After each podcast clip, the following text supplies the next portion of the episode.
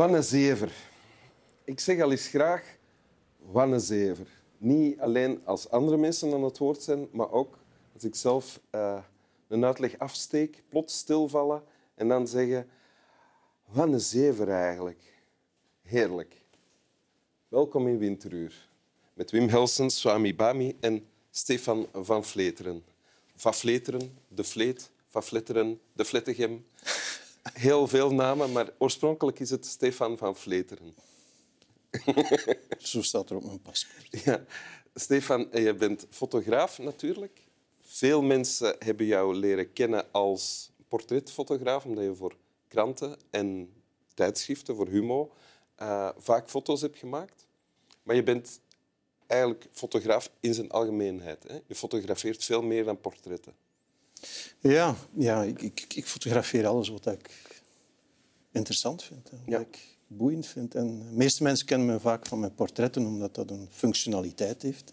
Die, die finaliteit ligt in het gebruik van een portret om iets te tonen bij een interview van een krant voor de morgen. Of ook voor een achterflap van een boek of dat soort dingen. Maar dat doe je, nu, dat doe je niet meer hè, voor kranten en tijdschriften? Heel weinig. Heel weinig, ja. Sporadisch bij iets die aangewaaid komt, die ik heel graag wil doen. Zit je op dit moment in een periode dat je bijvoorbeeld vooral landschappen of stillevens of deuren... Wel, de twee eerste die je noemde zijn nu heel dominant in mijn ah, ja. leven. Ik vind het heel moeilijk om nu in coronatijd uh, portretten te maken. Ah, ja. je, je, kan niet goed communiceren, je kan elkaar niet aanraken, je kan niet dichtkomen. Uh, je bril bedoomt. Ik vind het zeer onprettig. En daardoor doe ik het zo weinig mogelijk, tenzij dat het niet anders kan. Dat uw bril bedomt, dat heeft... Ah ja, ja. Ik ging zeggen, dat heeft niks met corona te maken. Dat is natuurlijk wel... Met mondmasker. Mondmasker. En je wilt dan een keer toch kijken achteraan op, je, op je digitaal scherm. Wat heb je gedaan? En dan is er een soort mist. Die, Als mijn bril bedomt, uh, in een winkel of zo bijvoorbeeld, ik, ik laat het gewoon zo. Ik kijk dan door de mist. En dat wordt dikwijls ook plezant, want mensen zeggen er dan niets van. Maar nu zijn we eigenlijk in een gesprek beland waarvan het niet de bedoeling is dat we het hebben. Want je hebt een tekst meegebracht. Hè? Uh, ja. Wil je die tekst voorlezen? Heel graag. Me, we. Van Mohammed Ali. De bokser. Ja. ja. Heel korte tekst. Mm Soms wordt er ja, zo gerefereerd naar het kortste gedicht ooit, maar dat vind ik eigenlijk niet zo belangrijk. Want ik vind, ik vind het is effectief kort, maar ik vind het een heel uh, uh, schijnbaar simpel gedicht, maar eigenlijk heel complex of diep. Ja? ja. En uh, hoe, hoe is het ontstaan? Wel, het is een heel mooi verhaal. De, de, in 1975 werd uh, Mohammed Ali eigenlijk behoorlijk op de top van zijn roem gevraagd om een lezing te geven in Harvard. En uh, ja, dat vond hij eigenlijk zelf geweldig, omdat hij is nooit een goede student geweest, hij heeft zware dyslexie. En hij mocht daar komen voor al die briljante studenten spreken. En, mm -hmm. Heeft, dat was een heel grappig stukje, kan je terugvinden op YouTube, waar dat hij eigenlijk uh, de draak steekt met zichzelf, maar ook met, met, met alles en nog wat. En, en, maar toch heel, heel wijs is. En ik denk dat het ongeveer anderhalf uur duurt. En op het einde, uh, in een soort van tumult en enthousiasme van die studenten, roept er een student: Give us a poem.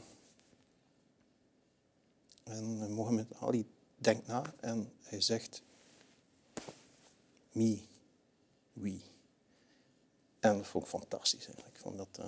En wat is de reactie van de studenten dan? Ja, die, die, ja, die zaal stond eigenlijk op zijn kop. Gewoon. Ja? Hij had helemaal ja, die, die, die, ja, die zaal hangde aan zijn lippen. En je voelde ook uh, dat, dat Mohammed echt groeide hoe langer dat het duurde. Ja, ja. Op een uur was hij zelfs demonstraties aan het geven met de shuffle en, en, en ah, beweging en, en, en, zijn haar hoe aan het leggen. En, en, het was ook mooi, hij had hem totaal niet voorbereid in die zin dat hij geen tekst aflas of zo. Hij improviseerde gewoon. Een beetje zoals jij hier nu zit. Hè? En jij ook. ja. Wij samen, wie, wie. Ja, want je zegt het is rijk en complex. Wat, wat... Omdat het... Uh, één, de vraag is me. Hè. Jezelf is al heel moeilijk. Wie ben je? En, uh, maar natuurlijk, de, de volgorde is zeer belangrijk. Van de me naar de wie. Van jezelf, individu, naar een groep, naar een gemeenschap, Ja. naar een bevolking, eigenlijk naar de wereldbevolking. Dus het gaat heel ruim van, van een groep mensen hier tot iedere mens op de aarde. En, en de me betekent eigenlijk niks zonder dat het een wie kan worden. En dat vind ik ook heel mooi. En ik denk ook vanuit zijn standpunt van atleet, van hij moest het doen met zijn lichaam, met zijn vuisten, met zijn voetenwerk, met zijn hersenen betekent die bokser die individueel iets doet heel veel voor zijn gemeenschap. En dat was dan African American maar ook veel meer. Bedoel, hij heeft dat helemaal overstegen. En, en dat vind ik ook mooi. En jij bent fotograaf, kunstenaar, toch ook individualist bij uitstek, beroepsmatig. Eigenlijk wel, ja, ja. Het is een beetje zoals een atleet die geen ploegsport doet. In die zin ben je ook... eh, ja, je staat er alleen voor, je maakt zelf die beslissing. Die moeten vaak ook snel gebeuren. Je reageert op dingen die, die rond je gebeuren, de tegenstander. Maar bij mij is het dan de, de dagdagelijksheid, de, de gang der, der zaken op straat. Een auto, een licht, een deur die opengaat, eh, een fietser die voorbij komt. En eigenlijk het licht, die de zon die begint te schijnen. En ehm, ja, dat doet een fotograaf ook, zoals, zoals een atleet. Dus ik, ik herken wel een deel, ik vergelijk me niet met Mohamed Ali, maar ik herken wel een deel van het gevoel van als individu, individu iets te doen die betekenisloos is, zolang als je niet naar buiten, naar het wie kan gaan. Ah ja. Want, want het me-wie mag je niet als iets zeer egoïstisch of narcistisch zien. Dat is net het omgekeerde, denk ik. Het is jezelf als individu plaatsen in een groep mensen. En die groep mensen is een verzameling van allemaal kleine me's. En dat doe jij ook, want dan... Dat hoop ik te doen, ja. Dat, Ja. dat hoop ik te doen. Een foto betekent niks als niemand ze ziet. De foto krijgt maar waarde als, als mensen het werk kunnen bekijken. Dit gesprek heeft geen zin als wij enkel voor onszelf, maar heeft ook maar meer zin als het straks ge- bekeken wordt. Ja, ja, ja. Oké. Want ja, ja. Mijn beeld van... Ik ben geen fotograaf natuurlijk, van iemand als jij, is van dat je ja, een week lang heel hard kan werken zonder met iemand te praten. Niet dat je dat zou doen of zoiets. Dat gebeurt soms. En dan Ja. komt er een verslag van dat werk in een boek of, of in, een, in een tentoonstellingsruimte. Eh, en dat is het dan. Daar kunnen wij dan naar kijken. Maar het is, het is veel meer dan dat dan, denk ik. Toch? Nu ben ik niet mee. Wel, het leek mij heel individualistisch wat jij doet. Wat ook klopt. Mhm, ja. Maar je zegt nu eh, dat je eigenlijk ook altijd iets wil laten zien, iets communiceren. Zeker. En het verschil is bijvoorbeeld met een muzikant die optreedt, of een stand-up comedian, of, eh, of een dichter die voorleest. Je, je hebt direct re- reactie in de zaal. Dat heeft een fotograaf niet. Een fotograaf heeft daar een soort van... Er zit daar een enorme vertraging op. Je maakt iets, je keert terug naar huis, je, je, je kiest die ene foto, en die druk je dan af, die hangt of die wordt ergens gepubliceerd. En daar zit een enorme tijd achter. Soms zien mensen maar foto's van mij die vijf jaar geleden gefotografeerd zijn. En- En, daar is nooit iets mee gebeurd en plots poef zijn die zichtbaar. En hoe is het dan? Als, heb je graag dat mensen reageren op foto's? Ik ben daar nooit bij eigenlijk. Mm. Dat is het mooie aan de fotografie, dat het, ja.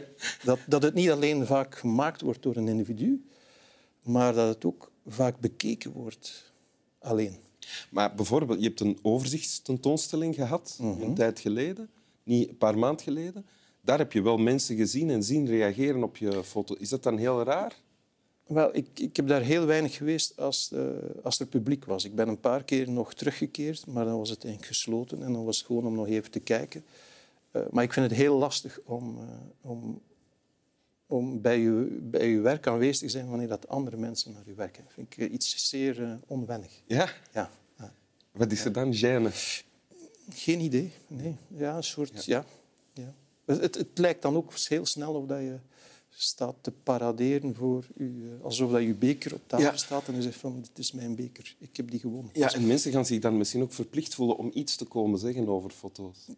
Ja, ja, ja. Maar Dat is dan weer hun zaak. Ja, ja. maar vandaar dat ik eh, ja, dat vaak eh, Ja. niet, doe of niet aanwezig ben. Ehm, Stefan van Vleteren, wil je de tekst nog eens voorlezen?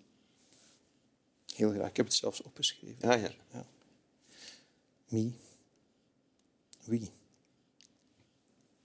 We kunnen het samen doen ook. Hè. Me. Wie? Wie? Ja. Me. Wie? Me. Wie? Het is bijna Frans op een uur. Als je het, het, is, het is... Het is ook in, in eh, Callboys zit het ook, hè? wist je dat? Nee, Dit teken.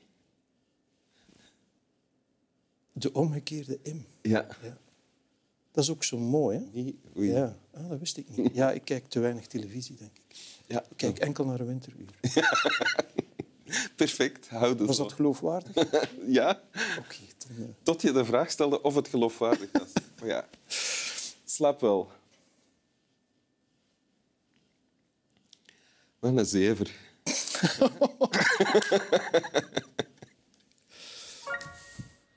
Ja, wat doe je daarmee? hè?